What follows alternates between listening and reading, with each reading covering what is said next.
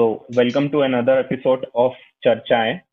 And today we have a guest all the way from Pune, that is Urmila Samson, ma'am. So, uh, welcome to the podcast, ma'am. Uh, lovely to have you. And the reason I have had you is uh, I went upon your TEDx talk, which was about homeschooling, and it really sort of blew my mind because I had never heard of this concept. And I remember meeting you in Pune three years ago and talking about that concept. And after that, I searched on YouTube and then I got to know uh, your views. So uh, we are here to talk more about it. So, ma'am, I'll start with how are you? Is everything fine there? Salisbury Park uh, area is a hotspot. So I hope everyone is safe in your family. Uh, thanks, Pulkit, for inviting me on this uh, podcast. Yeah. Uh, I'm actually not living in Salisbury Park. I grew up in Salisbury Park, Okay. uh, but uh, when we had our children, we were in Viman Nagar. Okay. And now my uh, mother is 80 and living all alone, so we have shifted close to her in uh, off Mangaldas Road, uh, on the border of Koregaon Park on Naylor Road. Okay. Okay. Great. Uh, Things are okay, but we all have to stay home and stay safe and keep everyone else safe. Same Yeah, as yeah. everywhere else. Yeah, exactly. So, ma'am, uh, when did you first come upon the idea of homeschooling? Uh, who who was the per- first person who introduced this, and uh, how did you ponder upon this idea? From where did you read it, or did someone tell you? I actually didn't know that there was such a thing as homeschooling. Yeah. Uh, so I just didn't send my children to school. And uh, then uh, I didn't even know there was a word for it or that anyone else is not sending their children to school. Yeah. Uh, I don't know if people your age can even imagine a world before internet. So this Yeah. was way before internet. It was in 1992 that my first baby was born.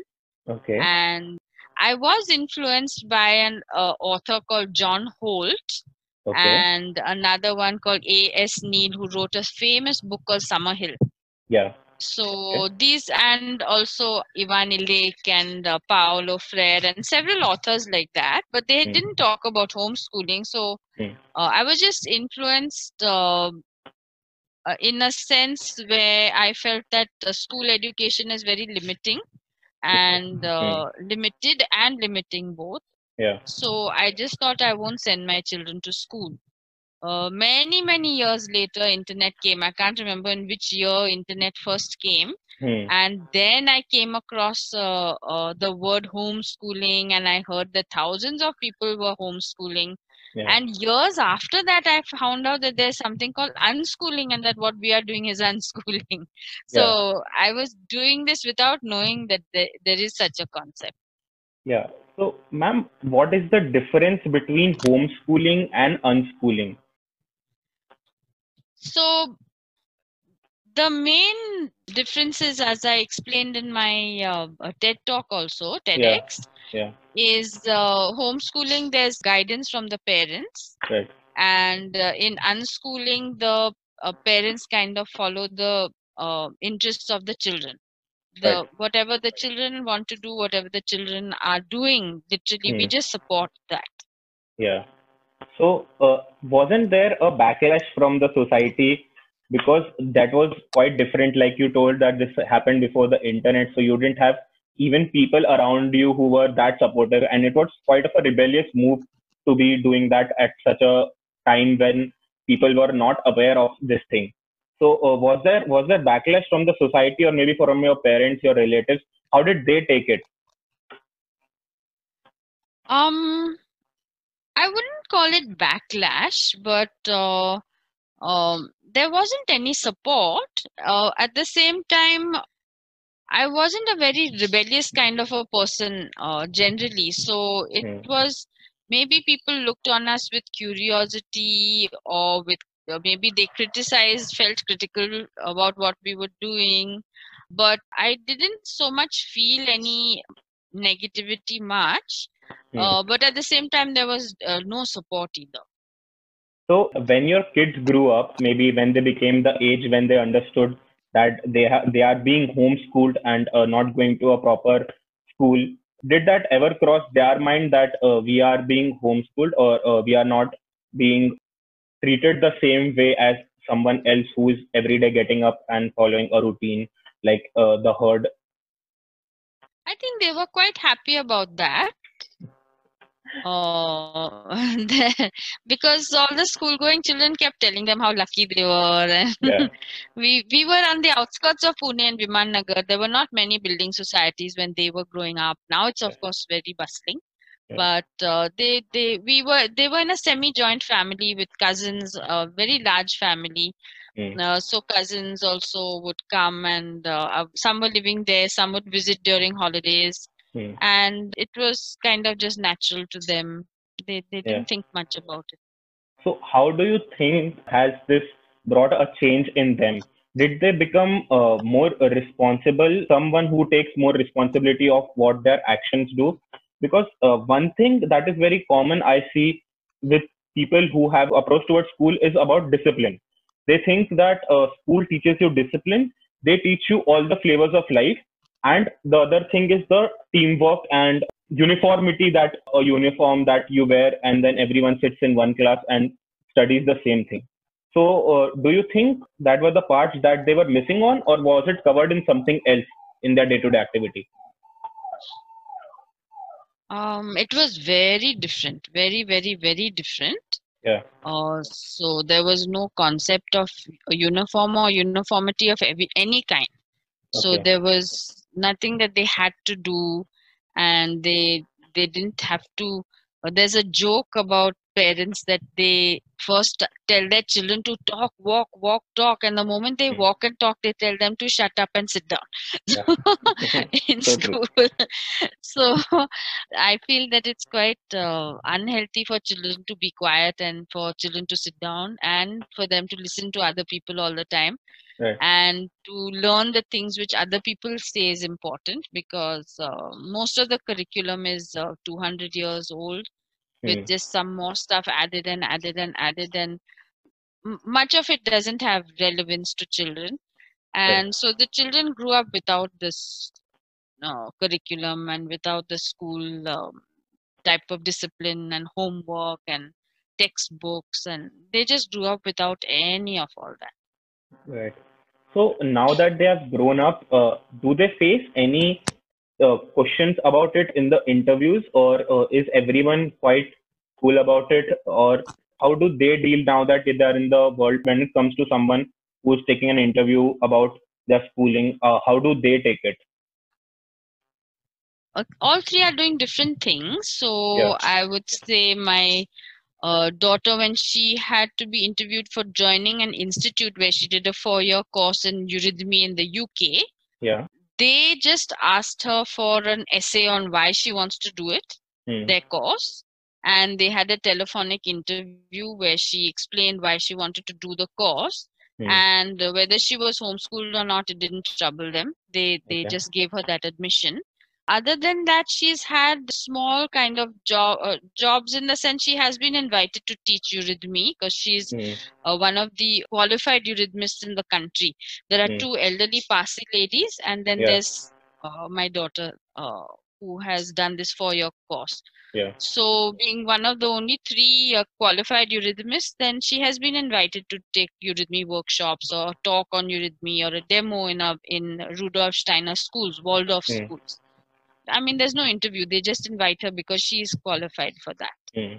Uh, my son got admission in a US college, and uh, uh, when we were filling the common, there's a common application um, uh, format online which one has to fill Right. and they have a section for homeschoolers to fill which is different from children who've gone to school uh, Hmm. because school going children their their class teacher and their counselor uh, have to fill in certain sections whereas a homeschooling student doesn't have teacher or a counselor. So that has to be filled in by the parent.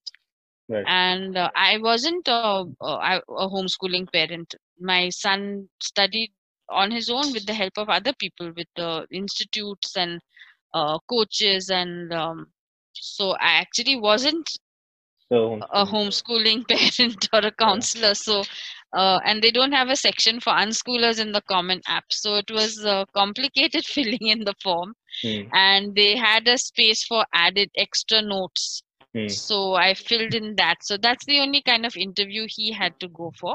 Hmm. And uh, for I heard that for US college admissions, actually they like homeschoolers because they're self motivated. They're joining college because they want to join college Yeah. uh, not because they want a job or a good salary or something they actually want to learn that thing in the curriculum they choose their subjects and Right. so they actually if you've done your if you uh, fulfill all the other parameters of your grades your marks and all the other things which they need Hmm. uh, then homeschoolers sometimes get a preference also for college admission so he got in like that Right. and my youngest son uh, applied for a job in an alternative school Hmm. and they were very happy that he was an unschooler because then he could be a living example of a grown up child who had had an alternative education and Yeah. the principal and teachers are very happy to have him on board So just one question I had in my mind was, have you uh, seen the movie in Angrezi medium? So in that movie, uh, he talks about in Delhi, he is from a background where he doesn't know English, but uh, his wife knows English. His wife wants that their kid go to the best school in Delhi, and uh, thus for them they have to know the background of the parents, and parents are not educated. That is why they first turn into poor so that they get the poor quota and then get the admission. So Oh, now Delhi is such a competitive place for schools. Someone is born, they just start talking about schools for the next three years.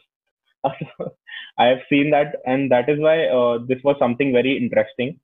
So, uh, do you think this will uh, remain a taboo in India, or we will soon or later accept the Western culture? Because uh, I feel it will be difficult for now that both the parents are working. It is going to be difficult for both to focus on the child uh, and uh, nowadays that is why this is one big reason why i have seen parents letting their children go to school is because both of them are working. That is why there is nursery there is pre nursery as well. That teaches you abcd so how do you think india is going to take this? It's not actually western culture because if you think of it in india many people don't go to school Hmm. and they still survive. I mean Right. it, it's it's only in the uh, urban and now of course in rural that schools have reached but schools really haven't reached everyone.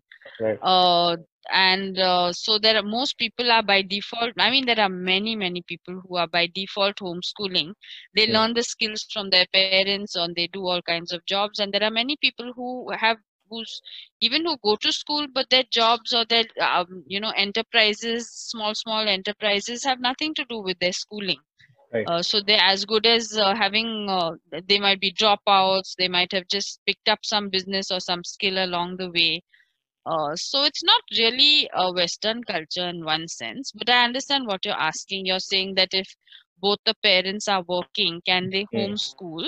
right Uh, some do when they, especially if they are uh, uh, working from home. Many IT parents are working from home.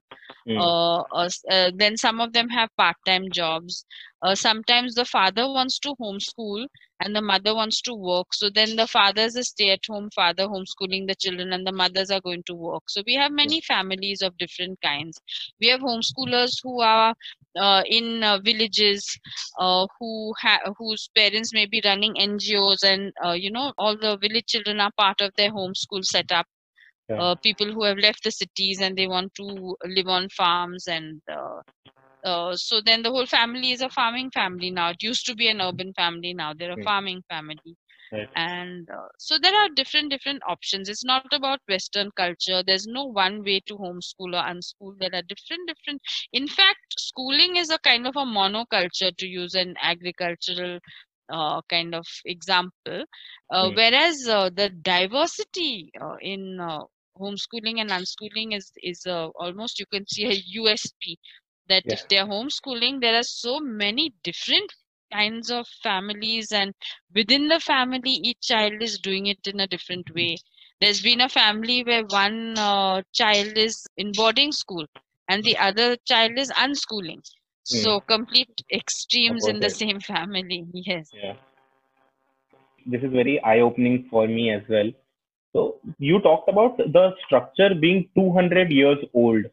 So, do you think if we improve the structure, uh, the chances of homeschooling will drop? Or what do you think? Someone who thought of homeschooling or unschooling was because of the uh, structure being bad or the competitiveness being extreme?